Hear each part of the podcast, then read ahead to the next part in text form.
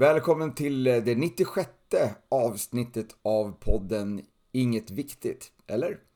Med eh, mig, Hasse Ulås, kallas även för Combatman, så in och följ mig på Instagram. Där heter jag Combatman underscore. Så, då har vi det sagt. Då kan vi gå vidare med veckans eh, avsnitt. Eh, jag tänkte att veckans ämne ska få vara lite grann om eh Eh, gruppträningsinstruktörernas eh, icke-favoriter. Så om du är känslig eller kanske lite lättkränkt så kanske du ska stänga av nu. Men innan vi går in på det ämnet så tänkte jag bara vara lite aktuell och eh, återkoppla till lite grann vad vi pratat om de senaste veckorna. Jag har ju eh, nu fått hem en burk med Manuka-honung ifrån Nya Zeeland. Eh, pratade ju om honung i avsnitt eh, 93 och eh, eh, jag tryckte väldigt mycket på att eh, vi ska stödja de eh, svenska biodlarna för den biologiska mångfalden här i Sverige. Både växtriket och djurriket. Våra uppfödare behöver ju bra mat till djuren på fälten för att kunna få den delen att fungera av jordbruket också. Och allt det här är ju beroende av eh, de svenska bina. Så vi ska ju försöka att köpa så mycket svensk honung som vi bara kan.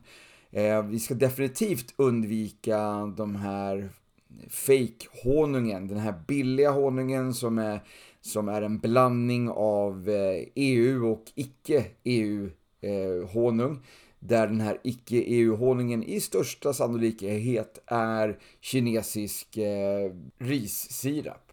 Men då, den enda anledningen att man ska köpa importerad honung eller importera honung själv.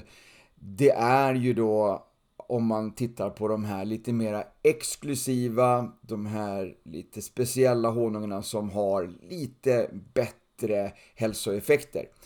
Ehm, det beror ju då på att bina har varit och samlat sin nektar från blommor och, och eh, eh buskar som har mycket medicinska eh, effekter.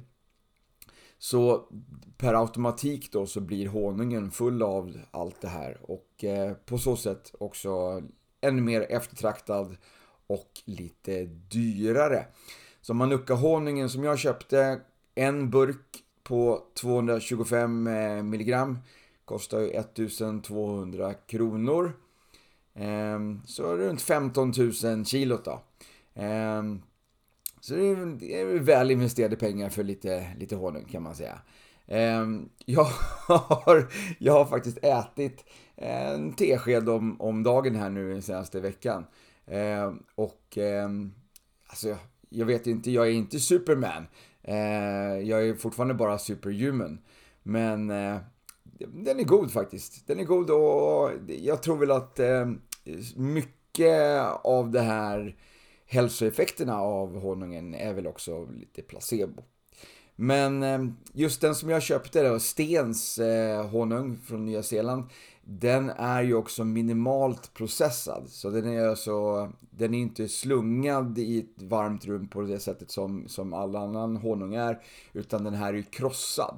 Man har liksom krossat eh, de här eh, eh, bivaxkakorna och sen rensat bort eh, bivaxen och bara behållit honungen. Men att man har inte slungat ut den.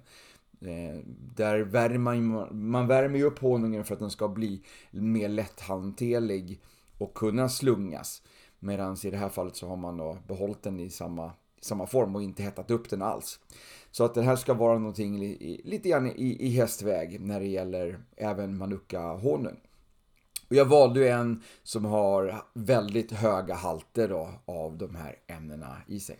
Det vill säga den har minst 830 MGO och den har minst 20 UMF. Och vad det här betyder, det kan du ta reda på genom att lyssna på avsnitt 93 av podden.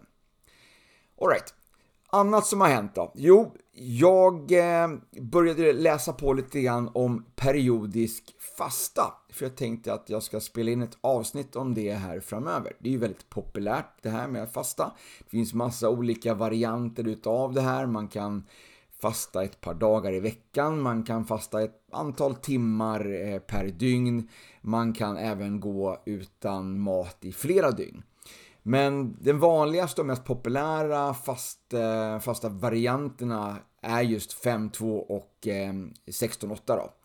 Ehm, så mer om det i någon podd lite längre fram. Men eh, jag gav mig i alla fall in på det här med att testa att köra periodisk fasta av den här typen 16-8. Det vill säga att jag inte äter någonting eh, under 16 timmar av, av, eh, av dygnet. Bara dricker vatten eller te för min del. Och eh, sen under 8 timmar ungefär så har jag ätit och jag har ätit ja, normalt. Jag har ätit som om jag, som jag hade, skulle gjort annars också, liksom. någorlunda hälsosamt. Ehm, och eh, nu då, idag när jag spelar in det här så är det söndag och klockan är 15.43 säger jag här. Och det innebär att jag har nu inte ätit på 21 timmar. Så utöver då att jag har kört sen i eh, onsdags då den här 16-8 fastan så valde jag att eh, igår kväll då sluta att äta helt och bara dricka vatten och te. För att se hur det känns att vara på helt och hållet då eh, vattendiet eh, under ett dygn. Så um, vi får se om jag håller det här hela vägen, eh, 24 timmar, om jag ger upp där och äter eller om jag kan hålla mig vidare eh, hela vägen till eh, lunch i, idag eller imorgon, måndag, vad man ska, hur man ska säga. Eh, Faktum är att jag faktiskt mår relativt bra utav det här. Jag kommer prata mer om det här som sagt i eh, kommande podd, men eh, jag kan erkänna en annan sak och det är att jag har ju fastnat lite grann tillbaks i det här förbannade energidrycksberoendet eh, igen.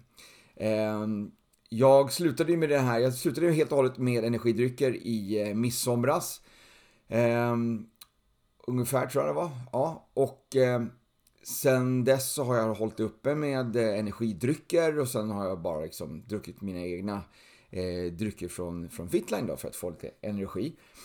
Men eh, någonstans här nu då på höstkanten eh, så, eller vintern kanske det var snarare, så hade de lite extra priser på Hemköp, Mall of Scandinavia, där jag oftast går ner och handlar frukost. Eh, på fredagarna.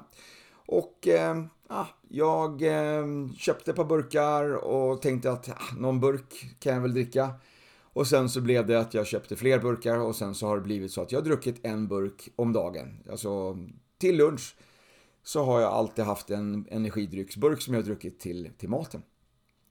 Um, och det här är ju inte bra. Jag känner ju inte, jag känner ju att jag mår ju inte bra utav det här. Ehm, jag får lite sura uppstötningar efter en, efter en tid eh, och jag känner inte att jag får någon sorts eh, effekt utav energi. Alltså jag får inte en energi utav det här. Jag får inte den här kicken eller att jag skulle bli eh, mindre trött utav all koffein. Även om jag dricker en halv liters burk så känner jag ingen skillnad. Jag kan dricka en halv liters burk med energidryck och gå och lägga mig och somna. Eh, så det håller mig inte mera vaken. Det stör mig inte. Jag kan dricka en, en energidryck ganska sent utan att det stör min nattsömn. Men eftersom jag inte känner av någon positiva effekt utav det och egentligen tycker bara att det är gott, eh, så att jag gillar smaken på de här, så känner jag bara att nej, nu får det vara nog. Så i måndags så drack jag då min sista burk. Jag tänker att jag håller upp med det eh, och kanske i framtiden dricker någon burk när jag känner att jag vill. Jag tycker att det kan vara gott vid ett speciellt tillfälle, men att jag inte ska ha det som en vardagsdryck. Ehm, och då på tisdag kväll så valde jag ju också då att sluta äta. Och det innebar att på onsdag, på eh, morgonen på onsdag så drabbades jag av en fruktansvärd huvudvärk. Och eh, det här kom jag ju fram till att det var ju inte på grund utav att jag hade börjat eh, fasta. Utan det här var ju, det här var ju koffeinabstinens. Det här var ju någonting som kroppen helt enkelt saknade och skrek eh, att den saknade. Eh, det känner jag igen från den tiden då när jag höll upp med eh, energiläskburkarna sist. För om du inte har hört det avsnittet, eh, det som jag sa då att jag kände av, det var ju att när jag vaknade upp, också två dagar efter att jag hade slutat med de här burkarna. Den morgonen så vaknade jag upp, hade ont i huvudet. Och när jag blundade så såg jag framför mig hur jag öppnade upp en burk. Hur jag knäckte en monsterburk typ. Eh, hade jag druckit kaffe, vilket jag inte gör, vilket jag aldrig gör, så hade jag kanske sett en bild av mig själv dricka en kopp kaffe eller en, en sån här eh, köpkaffeburk eller vad, för, vad, vad som helst. Men eftersom min hjärna inte kan associera koffein med kaffe, eftersom jag inte dricker kaffe, så associerar, associerar den till eh, energidryck. Och det var det som den då ville ha. Så intressant nog, eh, i onsdags när jag eh, åker hem efter eh, mina pass så är det, det är en burk med energiläsk som min kropp strävar, alltså jagar efter. Det är det som jag ser i huvudet. Det är det som, min, som jag längtar efter. Det är det som jag vill ha. När jag kommer hem så vill min kropp ha energiläsk. Inte mat. Inte mat. Jag har inte ätit sen 8, 9 någonting på, på kvällen dagen innan. Men det är inte mat som min kropp vill ha. Min hjärna vill ha energiläsk. Den vill ha koffein. Och det är lite sjukt. Det är lite läskigt tycker jag. Eh, vilket ännu mera gör ju att jag inte vill dricka den här skiten. Och sitter du där själv med att du dricker en sån här energiburk om dagen så frågar du egentligen varför. Skulle du klara dig utan? Och vågar du testa att hålla upp i två dagar och se vad, vad som händer? Alltså, om du får den här abstinensen, då har du ett beroende. Är det sunt med ett beroende? Nej, oavsett vad så är det inte bra. Så där skulle jag rekommendera att fundera lite grann på vad, eh, vad du trycker i dig varje dag. Alright, så eh, nästa aktuella sak det är att i morgon, tisdag den 27 februari så är det eh, dags för nya releaser från Les Mills. Så ni som är i gymsvängen och tränar på gymmet, ni har säkert sprungit på det här företagets program någonstans. Les Mills är det nya zeeländska företaget som har gett oss de här eh, releaserna av Body Pump, Body Combat, Body Balance, eh, The Trip, RPM, eh, Cirex Works, Body Attack, eh, Body, body eh, Eh, nej, Shabam heter det andra danspass. Eh, och nu det senaste då som heter bara Dance helt enkelt då. Så det finns en hel del olika releaser från Les Mills och alla får en ny version och nu i, eh, i, på, imorgon, tisdag, här i eh, Norden. Och sen så är tanken att vi ska köra den här samma release ett par veckor, sex veckor i alla fall minst, innan vi sen kan börja byta ut eh, mot lite gamla andra låtar. Jag brukar hålla ut i två månader med den eh, nya releasen och sen så byter jag ut den helt.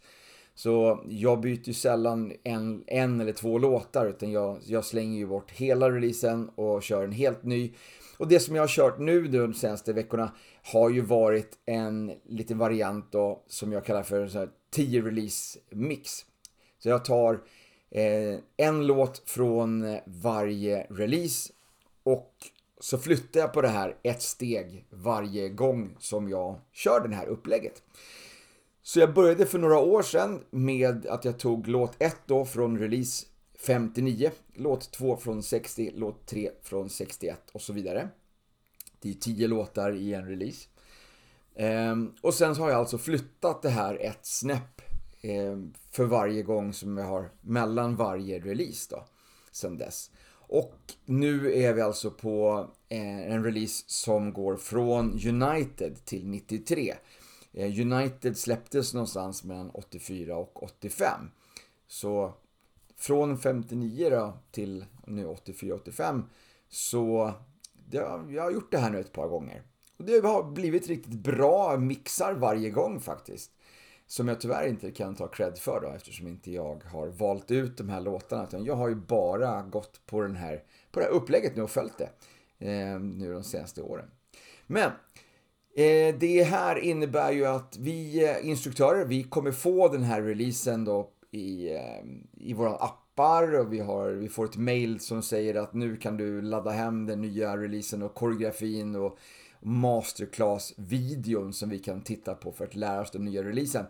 Det kommer vi få någonstans runt 8 på morgonen brukar det vara på, på releasedagen då. Det har, det har ju hänt att den har kommit så sent som, som 10-11 ibland. Så att det, det händer det också. Men det har också hänt att den har dykt upp dagen innan. Eh, jag vet inte om det beror på att Nya Zeeland ligger någon annanstans i, i tids... Eh, jag vet inte om det är det som, som spökar till eller, eller varför det blir så. Men det ska i alla fall komma på tisdag den 27, är det sagt. Ehm, så beroende på hur lång tid det tar för oss instruktörer att lära oss den nya releasen så kommer vi successivt att Kanske några byter ut några låtar. Jag kör ju samma sak som vanligt, att jag byter ut hela releasen, alla tio låtarna på en gång. I alla fall när det gäller Body Combat. Jag är väl lite långsammare på att lära mig koreografin på både pumpen, så att där har det oftast blivit så att jag har eh, kört ett par låtar, bytt ut några låtar åt gången. Men det brukar inte ta mer än en, en två veckor innan eh, jag bytt ut hela, hela releasen. Jag kommer även vikariera några Body Combat eh, och Body Pump-klasser den här och nästa vecka.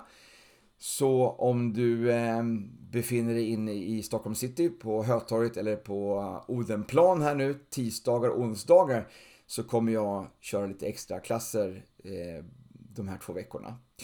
Men annars har jag mitt, mitt vanliga pass på Hötorget måndagar 17.00 då är det sista chansen här nu då att köra den här specialmixen. Och eh, sen blir det då eh, releasefest på lördag definitivt eh, på Malå Scandinavia. Så att om inte jag har lärt mig innan dess så i alla fall på lördag 10.45 på MOS så kör vi Body Combat 98. Så det blir spännande, det ser jag fram emot jättemycket. Jag har än så länge bara sett en liten så här eh, sizzler. De släpper den ett par dagar innan så släpps en liten, eh, liten hopklippt video på någon minut med eh, små eh, utdrag från varje, varje låt i den här releasen. Där man får se lite grann vad för nyheter, rörelser det är som, eh, som kommer komma.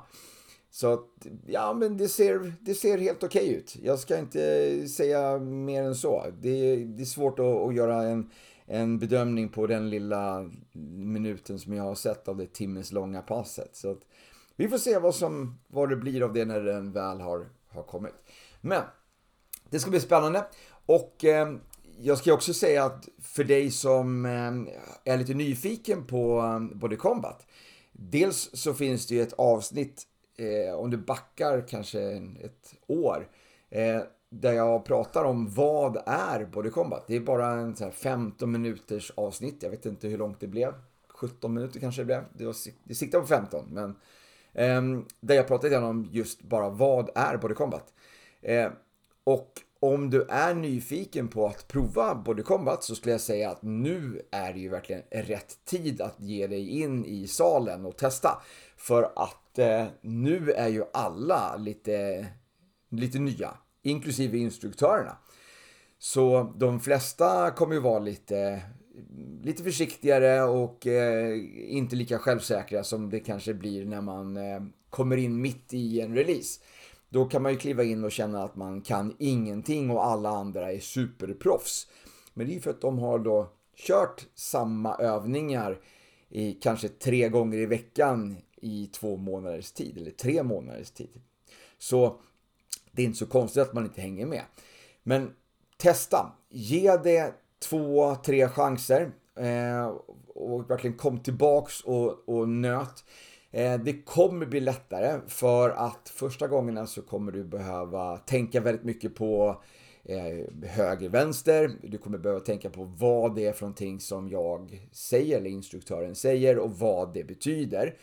Medans eh, sen när du har kört någon gång så behöver du kanske inte titta på mig när jag säger att du ska slå en uppercut. För då vet du vad en uppercut är och hur du ska slå den.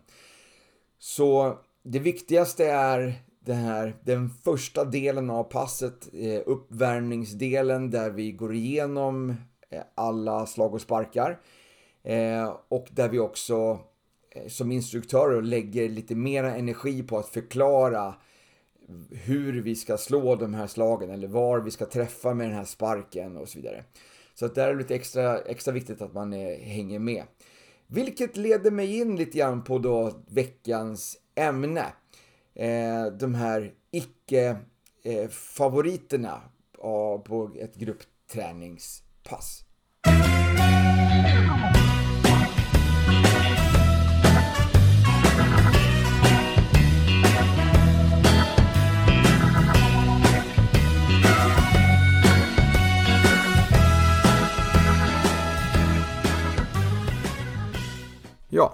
Eh, är du lättkränkt?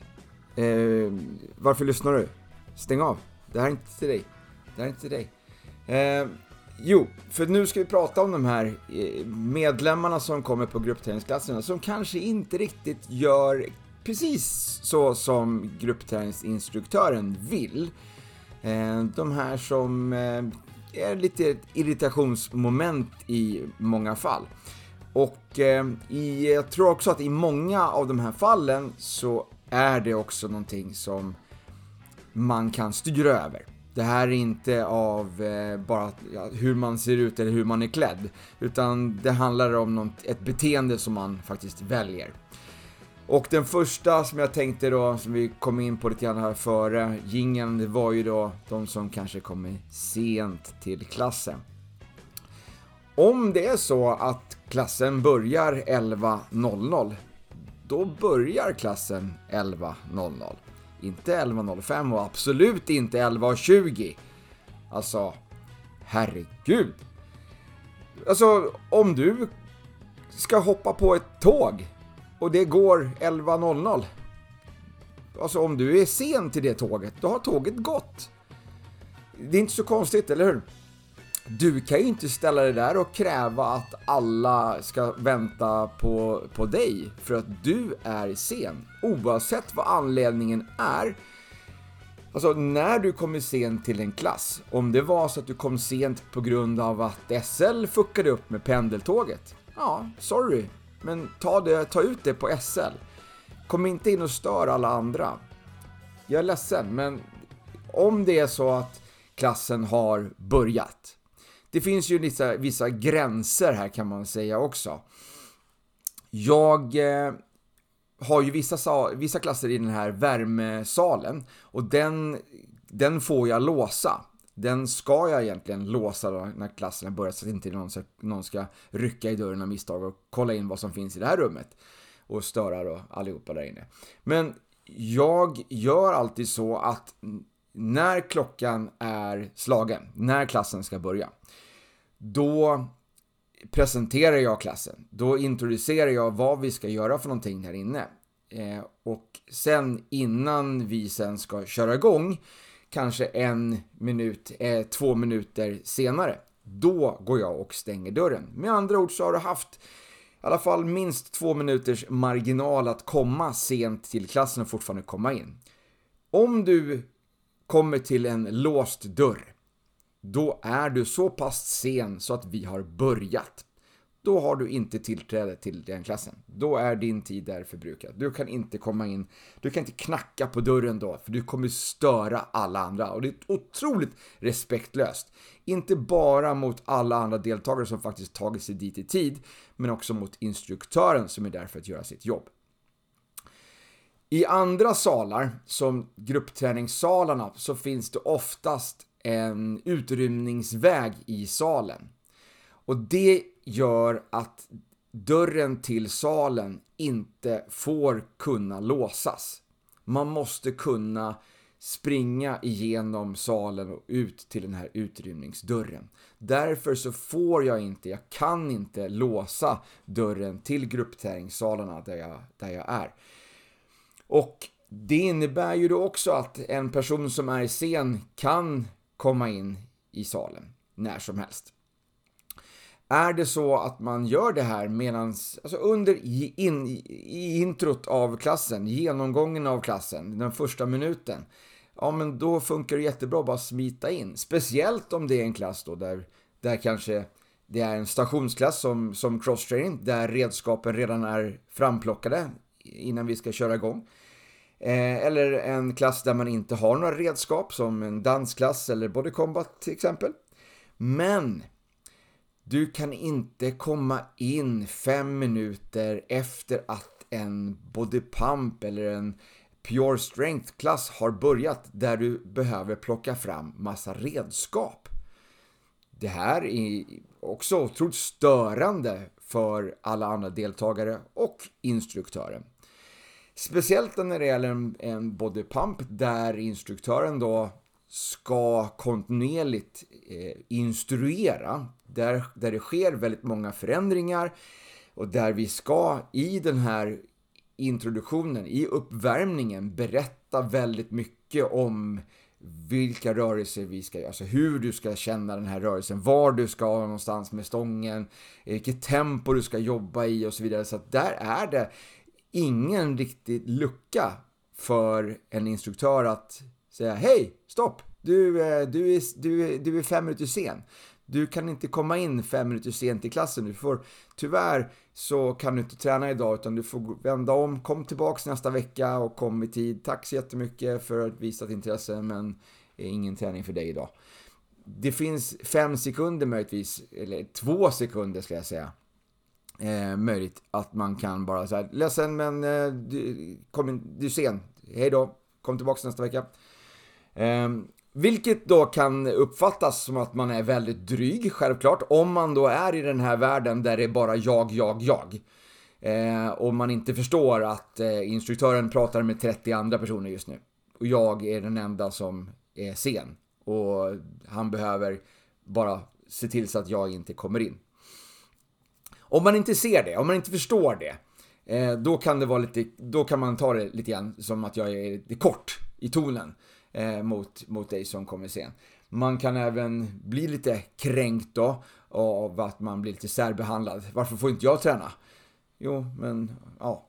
Ehm, och det har ju varit intressant. Jag har ju hört från eh, personal i reception som har, som har fått då en en, eh, en arg medlem som har kommit ner till och, och, och skrikit att jag blev inte insläppt i, på klassen eh, jag, när jag kom sen. Ehm, jaha, eh, vadå? Du, du kom sen? Ja, jag kom bara fem minuter sen, jag fick inte... Ja, men du säger ju själv anledningen till varför du inte blev insläppt. Du var ju fem minuter sen. Eh, respektera tiderna. Så, enkelt. Så tänk på det, snälla. Ehm, är det så att du är sen till en klass, visst, du kan absolut gå dit och titta. Eh, har man inte kommit igång med klassen, det kan ju vara så att en klass till och med är sen i starten på grund av att eh, klassen innan har dragit över på tiden. Det kanske tog lite extra lång tid för dem innan att plocka undan utrustning. Eh, det har tagit lite extra tid att förbereda den här klassen som man ska göra. Det kan vara många olika anledningar till att man kanske är någon minut eh, försenad. Så varför inte chansa att och, och, och gå till salen och titta om du fortfarande kan vara i, i tid eh, att vara med från första början. Men har klassen börjat, då är det ju bara att bita det sura äpplet och inse att du har missat gruppträningsklassen. Du får hitta på någon annan träning den här gången. Och tänk över dina rutiner för att kanske undvika att komma in ramlandes i sista sekund på gymmet nästa gång. Eh, jag vet många som eh, jobbar i närheten av gymmen och ska träna på sina lunchraster. Också sitter och trycker in i sista sekund för att sen springa eh, ner till gymmet och, byta om på två sekunder och, och ja, ramla in i salen då. Precis när klockan slår över och klassen börjar. Är det då en redskapsklass och det inte har varit en klass innan, då har ju de flesta varit där fem minuter tidigare, eller tre minuter tidigare räcker kanske, med att plocka fram sin utrustning. Så att när klockan slår över till 11.00, då kör vi igång.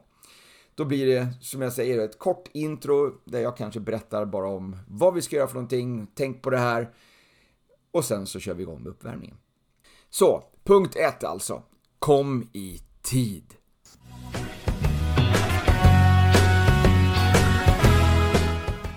Ja, men sen har vi också de här som är i tid och eh, står och eh, småpratar med kompisarna eh, medan instruktören går igenom instruktionerna för vad vi ska göra för någonting på klassen. Det handlar väl framförallt på sådana här gruppträningsklasser där man kör en cirkelträning av något slag. Där det är många olika övningar som eh, man faktiskt behöver vara lite nyfiken på och eh, försöka memorera. För att annars kommer det bli svårt.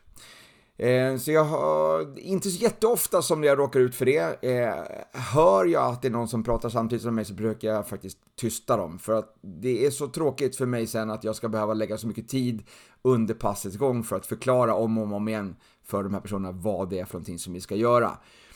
Jag försöker ju vara tydlig med eh, vad jag skriver på tavlan till exempel när vi kör de här hitklasserna, hit circuit, run and box. Och jag har ju lappar på golvet när jag kör mina crosstraining-klasser med övningens namn. Men det kan vara bra att hänga med så mycket som man kan och försöka koppla ihop då det här, det som står på tavlan eller på lappen med den rörelsen som jag gör så att man eh, lättare sen kommer ihåg vad det är för någonting som man ska göra.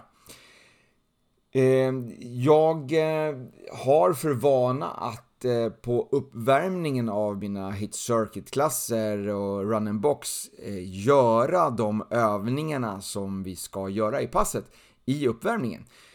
Och eh, då är det ju också en riktigt bra idé att faktiskt göra övningen tillsammans med mig, för då blir du ju också varm samtidigt. Så jag ser ofta många som står och tittar på mig bara när jag gör övningen utan att hänga med själva. Men det är ju ändå uppvärmning, så du blir ju inte varm av att titta på mig. Eller ja, vissa kanske blir det. Men, eh, men eh, jag tror att det, du tjänar mera på att faktiskt hänga med på att göra övningen och bli varm samtidigt som du jobbar in det lite grann i, i ryggraden så att den sitter när du väl kommer ut på stationen. Ehm, men som sagt, det är inte så jätteofta som det sker. Ehm, men det är lite jobbigt att eh, behöva repetera om och om, om, om igen. Ehm, vissa kanske har lite kort eh, minne.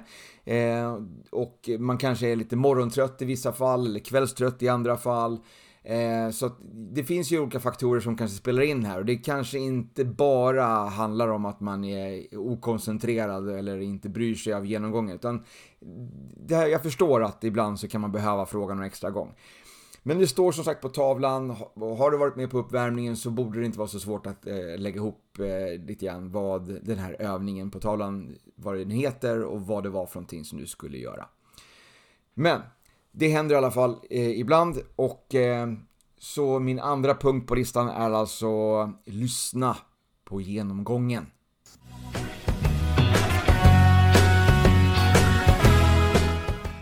Okej, okay, så kom inte sent, lyssna på genomgången, men också kanske stanna hela klassen. Det finns ju de som eh, smiter iväg innan klassen är slut ja visst, fine, det går väl jättebra på en dansklass eller en bodycombat när vi inte har några redskap, men om du ska börja plocka undan med redskap medan alla andra tränar. Det är lite störande. Jag tror att du förstår det va? Eller? Kan du, kan du inte förstå att om, om nu då på en bodypump när, när alla andra ligger på rygg och jobbar med någon sorts magövning och du springer runt med dina vikter. Eh, är det, är inget störande eller? Nej? Alltså, försök att förstå och tänk på andra människor. Om det är så att, att du absolut eh, inte kan delta på en en klass hela den klasstiden som det är utsatt på schemat, då kanske du inte ska träna den gruppträningsklassen överhuvudtaget. Kan det vara någonting sånt? Va? Antingen så tränar du om det står 45 minuter på schemat, så då är du där i 45 minuter. Då får du bocka av 45 minuter från ditt, ditt hektiska schema. Stressa lagom. Alltså, försök att tänka på alla andra människor också alla andra kommer också. De har kommit dit för att träna i 45 minuter eller 60 minuter eller vad det nu är för någonting som står på klasstiden. Och de har avsatt den här tiden för att träna hela den tiden. Men inte du. Nej, du vill bara träna en viss del av det här och sen bara gå. Det funkar inte så. Det är liksom inte svängdörrar liksom på klasserna. Bara kom in och, in och kör fem minuter och gå när du vill. Och med redskap så stör du väldigt mycket alla andra om du ska börja plocka undan. Eller om du mellan låtarna i bodypumpen så bara, nu, är jag nog, nu är jag klar med den här viktplattan så jag ska springa tillbaka och hänga upp den nu. Alltså, du tjänar inte många sekunder på det. Snälla, snälla. Så om du inte har tid att vara där hela klasstiden så, så gör någonting annat. Um, och om det är så, självklart, om det skulle vara så att det, det sker en olycka, det, det är någonting som har hänt som gör att du behöver akut lämna salen. Gör det då. Lämna salen, lämna redskapen vi andra som ska träna, som tränar fullt på den tiden, vi, vi får ta hand om den utrustningen åt dig. Eller instruktören får ta och städa undan efter dig, om det skulle vara så att det är en sån akut situation. Men inte varje vecka. Eh, känner du att eh, det är akut att du skulle hinna tillbaks till jobbet i tid bara för att eh, Alltså jag vet inte vad anledningen kan vara till att, att du, du tror att du ska hinna 60 minuter men sen inser att du inte gör det då, helt plötsligt. Eller? Ah. Nej, vi kortar ner klasserna som det är idag för att vi ska hinna med en längre tid av städning efter klassen. De här klasserna då vi jobbar med redskap. Tanken är ju att inom klasstiden, om det står 60 minuter på schemat, så är det i alla fall på Sats då. Om det står 60 minuter på schemat, då innebär det att på de 60 minuterna så ska vi hinna med en introduktion. Vi ska köra hela klassen och vi ska hinna med att plocka undan utrustningen, torka av golvet och sen lämna salen inom de här 60 minuterna. Det kan innebära då att man behöver korta ner själva träningsklassen. Som i Body Pump då igen, som ett exempel där vi eh, har 10 stycken låtar som man, som man kör. Då kanske det blir att man kör 9. För att den tionde låten kommer göra så att vi drar över på tiden. Av de här 60 minuterna så ska vi då på 55 minuter göra introduktionen och träningen. Och sen så är det 5 minuter där vi ska städa, plocka undan och, och eh, torka av golvet och gå ut ur salen. Så i vissa fall så behöver vissa längre tid på sig än 5 minuter att städa sin utrustning. Eh, och är det en klass efter, ja, antingen så behöver den personen skynda på sig lite grann, så får man hjälpa den personen att plocka undan sina grejer. Eh, eller så får man helt enkelt korta ner klassen ännu tidigare om det är så att man märker av att det är många som är kvar längre. Men för att inte du ska bli en sån här eh, icke-favorit på gruppträningsinstruktörens lista så avsätt den tiden som eh, motsvarar klasslängden.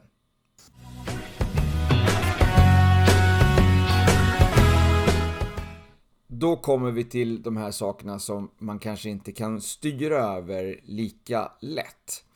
Jag tänker på de här medlemmarna som inte följer instruktionerna. Och det här är lite olika på olika klasser.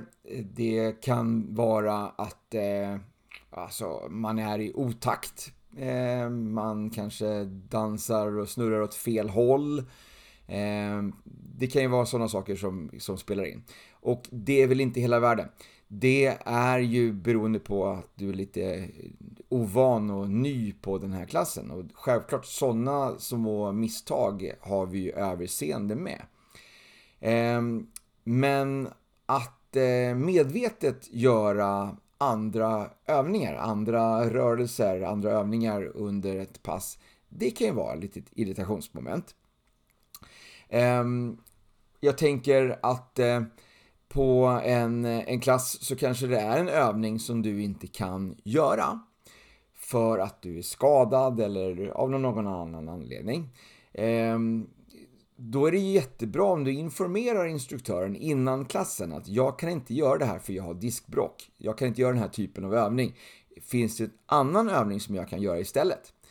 Vi uppskattar ju det jättemycket, vi instruktörer, för då får vi ju faktiskt ge dig ett exempel på en övning som du faktiskt kan göra som liknar den övningen, eller försöker komma åt dem, den muskelgruppen som vi har ämnat att vi ska träna. Istället för att du gör någonting helt annat. Ehm, det finns ju inte en tanke bakom i alla fall, så tänker jag så att när jag planerar ett pass med olika övningar så finns det en liten tråd genom det här att här ska vi ska träna rygg, vi ska träna mage, vi ska träna eh, bröst, vi ska träna... Alltså, och, och om du då eh, från den ena eh, övningen hoppar över den här, gör en annan övning som faktiskt kommer senare eller som är likadan med en annan eller ja, men, då missar vi kanske helt den här muskelgruppen under det här passet. Men det finns andra övningar som du kan göra. Så varför inte prata med instruktören innan? Ehm, sen känner jag att det här är ju så brett. Jag har ju tjatat om det här många gånger på att jag blir så irriterad på till exempel då bodypump-klasserna. Där jag eh, ber om att de ska göra marklyften uppifrån och ner till knäskålen med stängerna. Jag vädjar verkligen till medlemmarna innan passet att snälla, gör som jag gör. Ehm, följ mina instruktioner och använd det tempot som vi behöver då för att komma ner till knäskålen och vända för att du ska få in rätt press på musklerna, men också minimera risken för skador. För är du ouppvärmd och du slänger dig på att göra ett, eh, ett marklyft ner till golvet eh, på det tempot som det är tänkt att vi ska komma ner till knät bara, så kanske det blir att du sträcker någonting. Och även om du nu kanske är proffs på att göra marklyft från golvet, så kanske den personen som står bredvid dig är helt ny på det här passet och förlitar sig på dig, vad du gör. Han tittar på dig och gör som du gör och sträcker sig på grund av att han har följt det. För att han kanske inte klarar av att göra de här marklyften från golvet. Så, inte bara är det så att vi tappar tempot, vi tappar eh, pressen i musklerna, utan vi ökar också risken för att vi skadar oss när vi gör de här rörelserna till för, för snabbt. Men vad anledningen är till att man sen, när jag har då bett alla om att eh, vi ska göra marklyften ner till knäskålen och sen 30 sekunder senare så, eller ännu kortare tid kanske till och med, så börjar vi uppvärmningen och vi gör ett marklyft och den människan som står närmast scenen självklart då, gör marklyftet ner till golvet. Vad anledningen är till det, det har jag fortfarande inte förstått. Beror det på att man inte har lyssnat då på den här introduktionen som jag gjorde? Eh, beror det på att man inte ehm, har någon sorts kroppskontroll och vet vart eh, knät är? Beror det på att man helt enkelt eh, inte bryr sig om vad jag säger? Så att även om jag, man har förstått att eh, jag ber om att man ska göra marklyften till knäskålen så skiter jag i det för att jag ska köra marklyft till golvet. Punkt. Ehm, eller är det så att man inte förstår? förstår man inte, när jag pratar marklyft så kanske man inte, vadå, vad är marklyft för någonting? Jag, jag kanske inte förstår vad det betyder och det här med att man ska fälla, komma ner till knäskålen och man kanske inte reflekterar över det. Eller så kanske man inte ens pratar svenska Eh, och har glömt att säga till instruktören innan passet att eh, hej, jag förstår inte det här språket som man talar i det här landet. Så jag kommer inte kunna hänga med på instruktionerna. Det är också jättebra om man säger till innan. För att om det är så, även om inte jag som instruktör då kanske väljer att köra hela klassen på engelska bara för, för en persons skull, så kan det ändå vara så att jag kan göra en viss coaching på engelska för att den personen ska kunna hänga med. Så eh, säg gärna till. Eh, nu förstår jag att det här, när jag säger det här nu då på svenska till den här personen som inte pratar svenska, att de ska säga till innan. Jag förstår att det är, ja, jag, jag fattar det, jag fattar. Men eh, det är i alla fall, jag ville bara säga att det, det uppskattas om man säger till innan. Eh, så att inte man som instruktör upprepar samma sak 15 gånger på, eng, på svenska och eh, efter passet så kommer personen fram och säger ah, jag, I don't speak Swedish, you know. Ja, jättekul. Bra. Det hade varit jätteintressant att veta det för en timme sedan. Men eh, en annan sak som jag också, jag pratade med Niklas om det här för, för några par månader sedan om, om de här medlemmarna som gör egna saker på, på The Pump-passen. Eh, och eh, han uppmanade ju mig till att jag skulle prata med någon och bara fråga varför. Eh, vilket jag gjorde faktiskt för, för ett tag sedan. Det var så, jag eh, är ju också på om att vi ska ha våra steppbrädor på 20 cm när vi kör body pump. Eh, anledningen är väl det att dels att eh, Les Mills då, som gör de här programmen, deras steppbrädor som de använder sig av, de är 20 cm höga. De har ju olika, eh, olika tillägg till de här brädorna som man kan ha. Man kan ha brädan på, på liksom bara brädan och sen kan man lägga till risers, som det heter, de här röda cirklarna som man lägger in under bänken. Och med två stycken sådana risers under själva brädan så blir den 20 cm hög. På Sats och på många andra gym så använder man sig av antingen brädor från eh, Reebok eller från Casall. Och de brädorna har tre nivåer. Du har ju då brädan när den är i neutralt i lägsta nivå. Och sen har du då om du placerar den här klossen på ett, på ett speciellt sätt så blir den 20 cm. Och vänder du på klossen och, och, och eh, sätter den på den högsta nivån så blir den typ 25-26 cm hög. Det här gör lite skillnad när vi ska göra push-ups mot brädan. Eh, det kan vara skönare att komma ner och upp från brädan när man ska köra bänkpressar om brädan är högre. Det köper jag. Men nu är det ju så att vi pratar body pump och eh, vikterna som vi använder oss av när vi ska köra bänkpressar är inte fruktansvärt tunga. Det är inte så att vi ska köra personbästa här nu i fyra minuter i ett långsamt tempo, utan du kommer ha väldigt mycket lättare vikt. Så du kan ta en lättare vikt, du kan komma ner på en bräda som är lite lägre utan att det blir jättejobbigt. Jag lovar. Men däremot när vi gör push-ups mot brädan så har jag nu under mina år som instruktör sett att det är oftare förekommande att man hamnar längre bak från brädan med kroppen och med andra ord armbågarna riktas mera ut åt sidorna. Det här gör ju att du tappar lite kontakten med dina bröstmuskler, vilket är den muskeln som, eller de musklerna som vi faktiskt ska träna i det här fallet. Och du lägger över vikten mera på framsida av din axel. Eh, det här kan leda till att du får lite förslitningsskador och eh, gör illa dig istället när du kör push-upsen på det här sättet. Jag brukar likna det vid att när du ska köra push-ups, breda push-ups, så bör du ha armbågarna så, så att du uppifrån sett ser ut som en pil, inte som bokstaven T. Och det här har jag då sett att det är lättare att man hamnar i det bokstaven T om, man, om brädan är högre upp. Automatiskt kan man ju tänka så att ju högre brädan är, desto mindre påfrestning blir det ju. Jag lägger ju mera, mindre vikt på, på över brädan, på mina muskler, om brädan är högre upp. Det är självklart, att göra en push-up mot golvet jämfört med att köra push-up mot en köksstol, det är ju en skillnad. Absolut, absolut. Det är mycket tyngre att göra den på golvet än mot köksstolen, ja. Det handlar om 5 cm när det handlar om den här brädan, om den är på mellannivån eller högsta nivå. Det kommer inte vara eh, jättestor skillnad. Men om brädan är lägre så har medlemmarna, du som ska träna, lättare att komma längre fram över brädan och hamna i den här pil eh, då.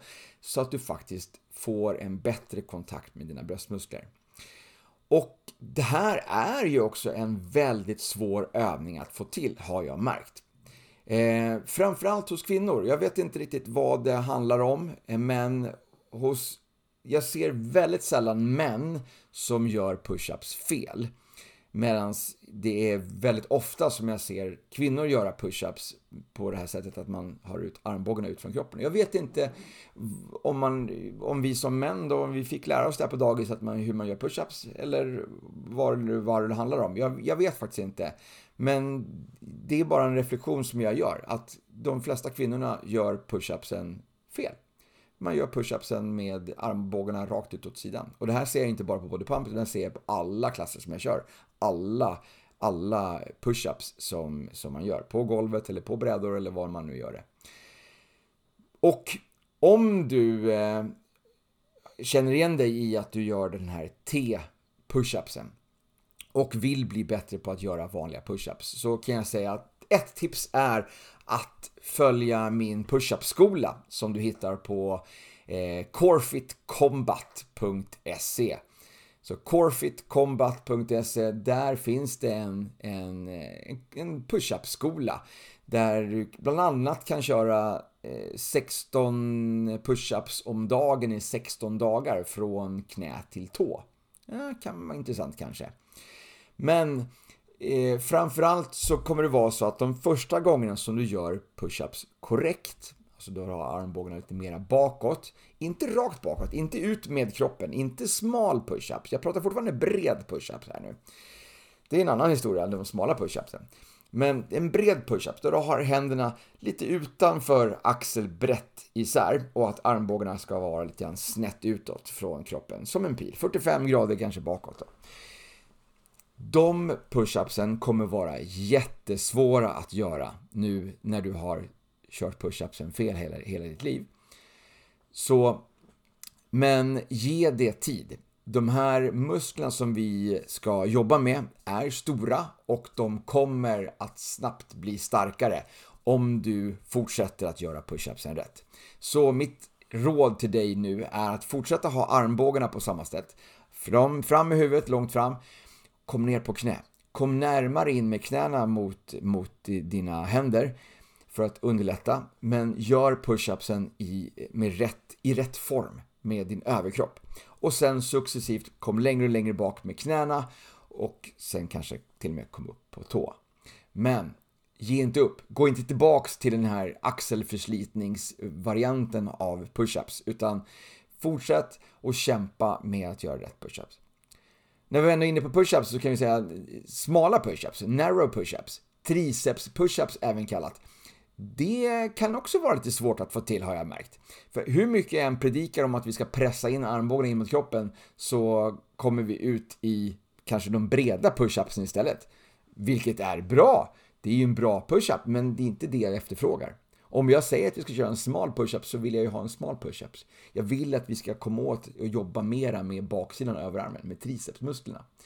Så eh, jag vet inte heller vad, vad det beror på. Om det är så att jag är dålig på att instruera när jag säger att vi ska stå axelbrett isär med händerna och att vi ska pressa in armbågarna in mot kroppen så att du har kontakt mellan armbåge och kropp när du gör din push-ups.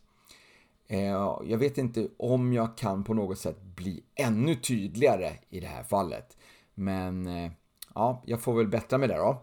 Men det är i alla fall många som fortfarande hamnar i fel position även, även där. Tillbaks till eh, steppbrädan. Tillbaks till steppbrädan. Varför vi ska ha den på 20 cm har vi nu gått igenom, men jag säger det här då x antal gånger före varje body pump-pass. Kanske till och med fem gånger innan passet börjar. Så från fem minuter innan så börjar jag att repetera eh, vad vi behöver till klassen. Vi behöver en bräda på mellannivå, 20 cm. Och vi behöver eh, stång och vikter, bla bla bla bla. Och jag kan till och med säga att om du har din bräda på mellannivå så kommer den att se ut så här. Den är slät på kortsidan till exempel. Så om du tittar på din bräda och på din kortsida och ser att den har tre stycken skåror, då har den hamnat på högsta nivån. Då behöver vi rotera klossen så att den klossen sjunker ner i den andra klossen och inte att den fäst med piggarna. Eh, Rebook-brädan är lite annorlunda. Då ska ju den här klossen vändas om så att den, den, den fäst i, i den här L, i L-formen som en liten Tetris-grej eh, där liksom. Men de vanligaste, vanligaste brädorna som vi har idag på, på Sats är de här Casall-brädorna och där ska man helt enkelt se till så att klossen går ner i, så det finns en skåra i den här brädan, ner i den andra delen av brädan. Då blir den på 20 cm. Och det här säger jag då eh, flera gånger in, inför att klassen börjar. Um, ibland så kan jag till och med gå ut och prata med, eh, med medlemmar som, jag, som står med hörlurar eller som har varit ute och hämtat vatten. Eh, från att de har varit inne och ställt upp sina grejer innan vi ska köra igång klassen. Men annars så, de som inte justerar brädan innan vi kör, de låter jag hållas och sen så repeterar jag det igen när vi kommer till eh, bröstlåten. Om det är så att vi ska köra pushups, om jag tycker att det är viktigt att vi ska ha brädan på mellannivå. Är det så att som i den här releasen som heter 127, där vi inte kör annat än triceps pushups mot brädorna, om man kör 60 minuters klassen då känner vi inte jag att det är jätteviktigt att vi har brädorna på, på mellannivå, utan då låter jag det hållas. Men intressant då är ju då att eh, det var en deltagare som jag har sett nu på många av mina klasser som envist har kvar brädan på högsta nivå trots att jag repeterar det här nu fem, sex gånger innan klassen varje pass vi kör. Och jag tänker den här gången då så är jag själv med honom i salen. Jag har varit inne och ställt upp mina grejer. Jag, det är en halvtimme innan passet ska börja kanske. Jag har bara ställt upp mina grejer, lagt upp mina vikter och eh, han kommer in och ställer upp sin bräda och jag går fram till honom och bara frågar. Ursäkta, men vad är anledningen till att du har din bräda på högsta nivå trots att jag ber alla om att ha den på mellannivå flera gånger innan vi kör igång varje pass? Det har han aldrig hört. Ja, så han har aldrig hört det. Han har aldrig reflekterat över att det är så att han kanske har brädan fel. Det kan ju vara så också att eh, är man i den tron att eh, jag har satt brädan på rätt nivå, eh, då kanske man inte lyssnar på det här när, när instruktören säger att vi ska ha den på mellannivå.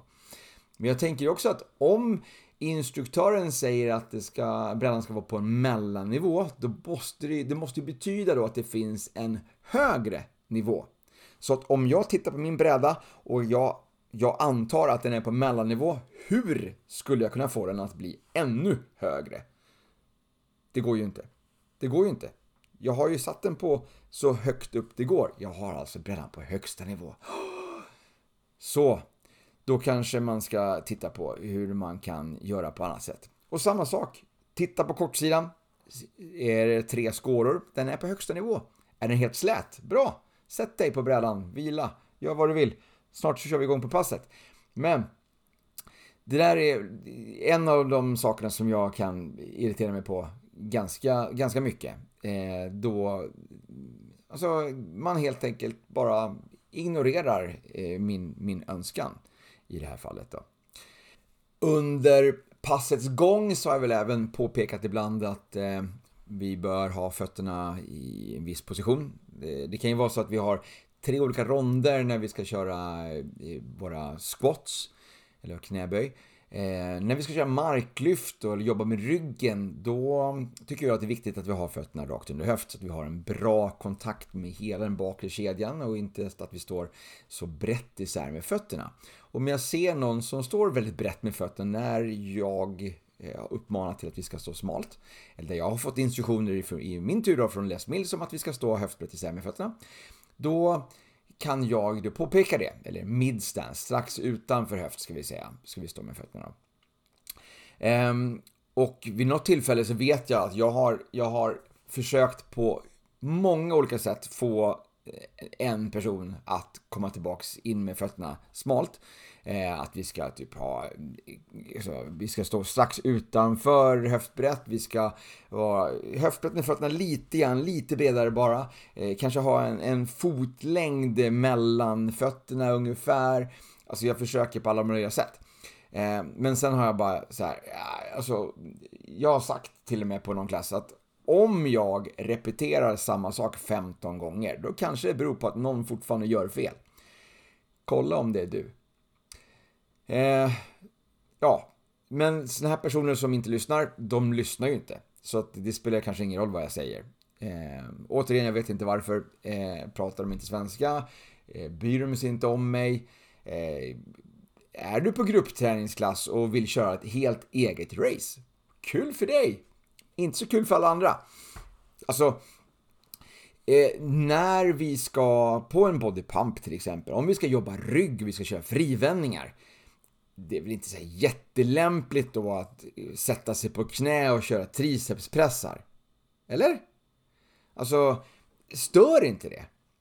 Tycker inte du själv att det, vore, att det är lite konstigt och att det kanske är så att folk tittar på dig och undrar vad är det för fel på människan som gör tricepspressar nu när alla andra följer instruktören och gör frivändningar? Nej, nej, nej, nej visst, visst, visst. Så det kan ju vara lite irriterande också när man, när man på en sån förkoreograferad klass hittar på egen koreografi. Eh, ja, och gör helt enkelt egna övningar även om du är en skadad nu och inte kan göra frivändningar så ja, du är väl kanske inte så pass skadad så du kan göra en sån liten rodd kanske istället. Att du fortsätter jobba med ryggen och inte går över till att jobba en helt annan muskel. Eh, och surprise, surprise, efter rygglåten så ska vi jobba med triceps. Så det blir ju liksom lite kaka på kaka. Ah, Andra sådana här förkoreograferade klasser som jag tänker på, det är ju, jag kör ju också Body Combat, där vi kör kampsportsinspirerat. Och självklart, är du helt ny på en klass så kan det ju då vara lite svårt att hänga med. Och kanske också ha lite svårt för att eh, hänga med på vad som är höger och vänster. Eh, så när vi ska stå på ett visst sätt och vi ska ha höger fot fram så kan det vara lätt att man hamnar, man hamnar med vänster fot och så, så tänker man inte på det. Eh, men där brukar jag repetera ett par gånger att man ska ställa sig med höger fot fram eller man ska ha den, sin andra höger fot fram då, om man står kvar för länge. Men att hitta på egen koreografi i det här fallet kan ju också vara väldigt irriterande. Så att jag säger inte nu, du som är helt ny, som gör fel av misstag. Helt okej, okay, helt okej. Okay. Du kommer lära dig. Men om du är där och medvetet gör fel. Det är inte så jätteuppskattat. Eh, dels så kan det vara irriterande för alla andra medlemmar, eh, men för instruktören då som försöker eh, få en liten sammanhållning i den här gruppen med, med får att göra samma sak så kan det vara lite irriterande att någon sticker ut och gör någonting helt eget. Och Tro det eller ej, men det kan vara irriterande och störande om du gör rätt också, men för tidigt. Jag pratar om eh, pre-cues. Ibland så gör vi instruktörer den kommande övningen några takter tidigare för att visa vad som kommer. Vi gör det här väldigt ofta i Body Combat, men det händer att man gör det även i, eh, i body pump och jag vet inte hur ofta förekommande det är i body attack och body jam och de klasserna också. Men jag kan tänka mig att det sker där med. Ibland så kan det vara så att en, en medlem, en deltagare på de här klasserna känner eh, eller kan klassen så pass väl och vet då vad som kommer komma och gör den här pre-cue tillsammans med dig som instruktör. Jag väljer ju dock ibland att inte göra pre-cue. Ehm, och då blir det ju så att då är det ju du som gör pre-cue bara, inte instruktören. Alltså kanske på andra varvet när vi ska köra samma sak igen. Då, då gör jag inte en pre-cube, då har vi redan gjort det en gång på första varvet. Men när vi stod med höger fot fram. Nu står vi med vänster fot fram och kör samma sak. Då räcker det med att jag bara säger att nu ska vi göra den här igen. Men eh, då om du gör den här pre-Q-övningen, rörelsen, en gång för tidigt då, så blir det ju lite grann, du missar ju lite grann antalet gånger som vi ska göra den andra övningen också, eller den andra rörelsen eller vad det kan vara för någonting. Så att du förlorar lite grann på det också. Jag gör ju det här för att jag är instruktör, inte för att jag är där för att träna. Så tänk på det också. Försök att hänga med på faktiskt vad du ska göra Eh, inte hela tiden då på vad instruktören eh, gör. Det kan ju hända också att som instruktör så väljer man att eh, pausa själva träningen för att faktiskt eh, visa en övning eller prata om någon teknik. Och då är det bra att du fortsätter med övningen eh, och inte gör exakt som instruktören gör i alla lägen. Eh, så Prata gärna med instruktören innan om det är så att det är någonting som du inte kan göra. På de här klasserna där vi har alla övningar uppskrivna på en tavla så kan man ju faktiskt läsa på den innan om man kommer i tid. Eh, och eh, pratar man då bara engelska så står ju faktiskt allting på engelska på de tavlorna när vi kör hitklasserna, hitzone-klasserna. Så fråga, prata med instruktören innan så kanske vi eh, kan undvika de här missödena med att du gör egna övningar eller eh, hittar på egen koreografi.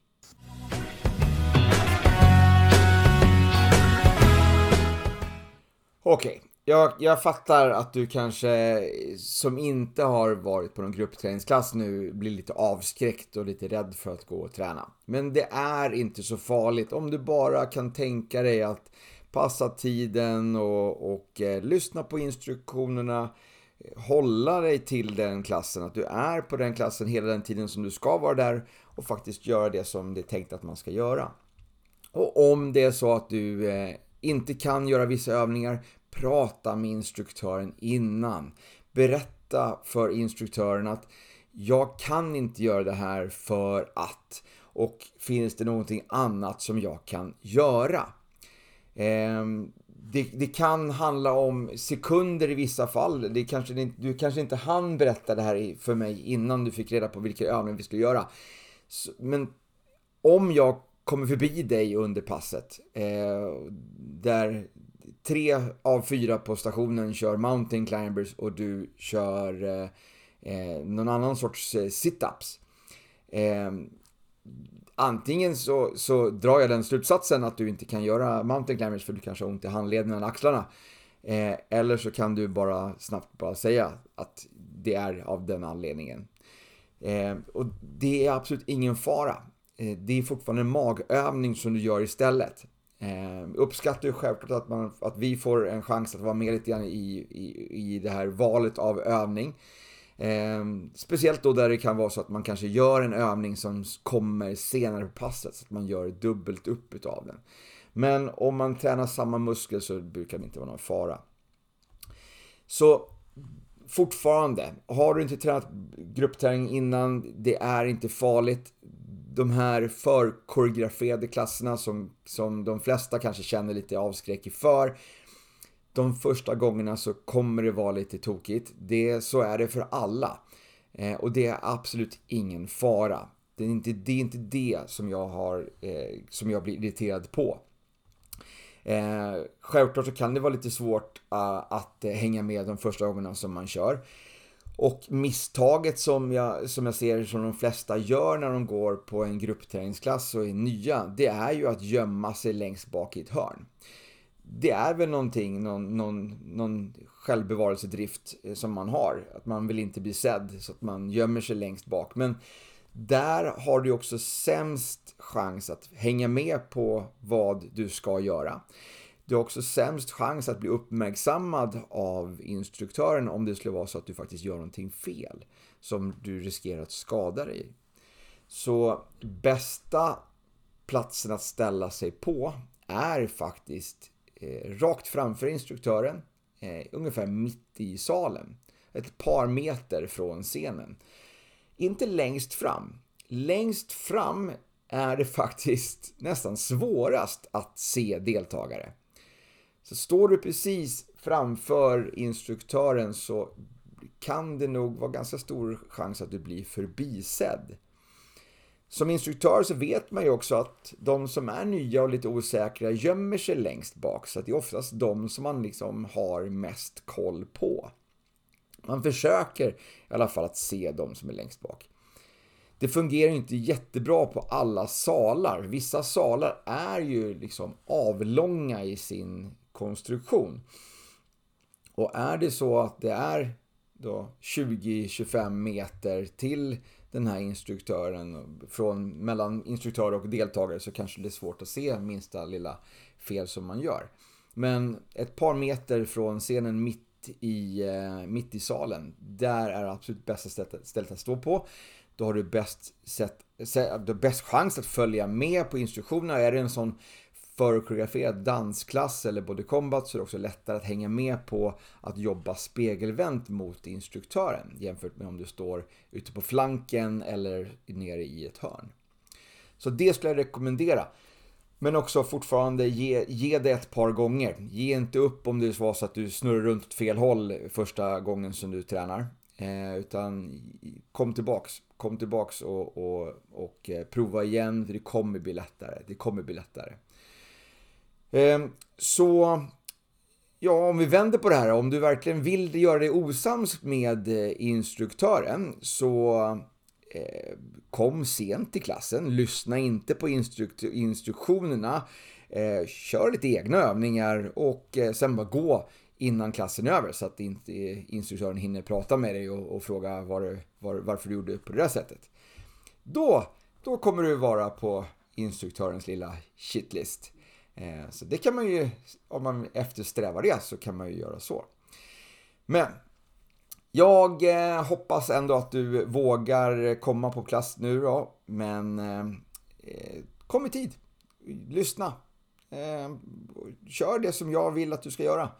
Och du får jättegärna stanna kvar efter klassen. Prata med, med mig efter klassen. Om det var någonting som var tokigt, något konstigt, de kändes på något, på något sätt fel Eh, eller om du har någonting annat som du vill, eh, som du vill bolla med, med mig så är jag oftast kvar. Det är väl eh, någon enstaka klass som jag kör, det är två klasser tror jag i veckan som jag kör som ligger back to back där jag inte har en chans att stå och prata någonting efter en klass utan där behöver jag förbereda nästa klass på en gång. Eh, men alla andra klasser så har jag, har jag väl ungefär, i alla fall minst en kvart emellan till nästa klass som jag kan faktiskt prata. Så om det är så att det är någonting som du vill diskutera så stanna jättegärna kvar. Annars så finns jag på sociala medier. Jag är helt öppen för att ta en diskussion om hur du ska slå en uppercut om du söker upp mig på Instagram till exempel och skriver till mig på combatman underscore som jag heter där. Helt okej. Okay. Jag blir snarare glad om du visar intresse för din egen träning och för min coaching. Om det är så att det är någonting som du känner att jag skulle kunna förbättra i min coaching så, så är jag helt, helt klart öppen för det. Konstruktiv kritik tar jag jättegärna emot.